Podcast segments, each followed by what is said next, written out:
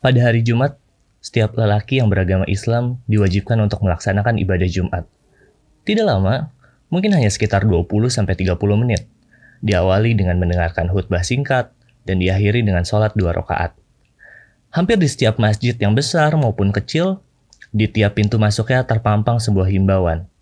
Bertuliskan, mohon menonaktifkan telepon genggam saat sholat berlangsung. Bisa diartikan, penggunaan telepon genggam di tempat ibadah berpotensi untuk menimbulkan gangguan. Terdengar keras bunyi telepon genggam, hingga memecah kehusuan ibadah. Ya, itulah yang gue rasakan siang tadi.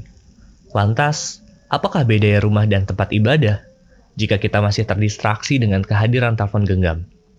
Ternyata, telepon genggam tidak serta-merta membuat penggunanya jadi ikutan pintar. Thank you so much, gue Zakir Wandi.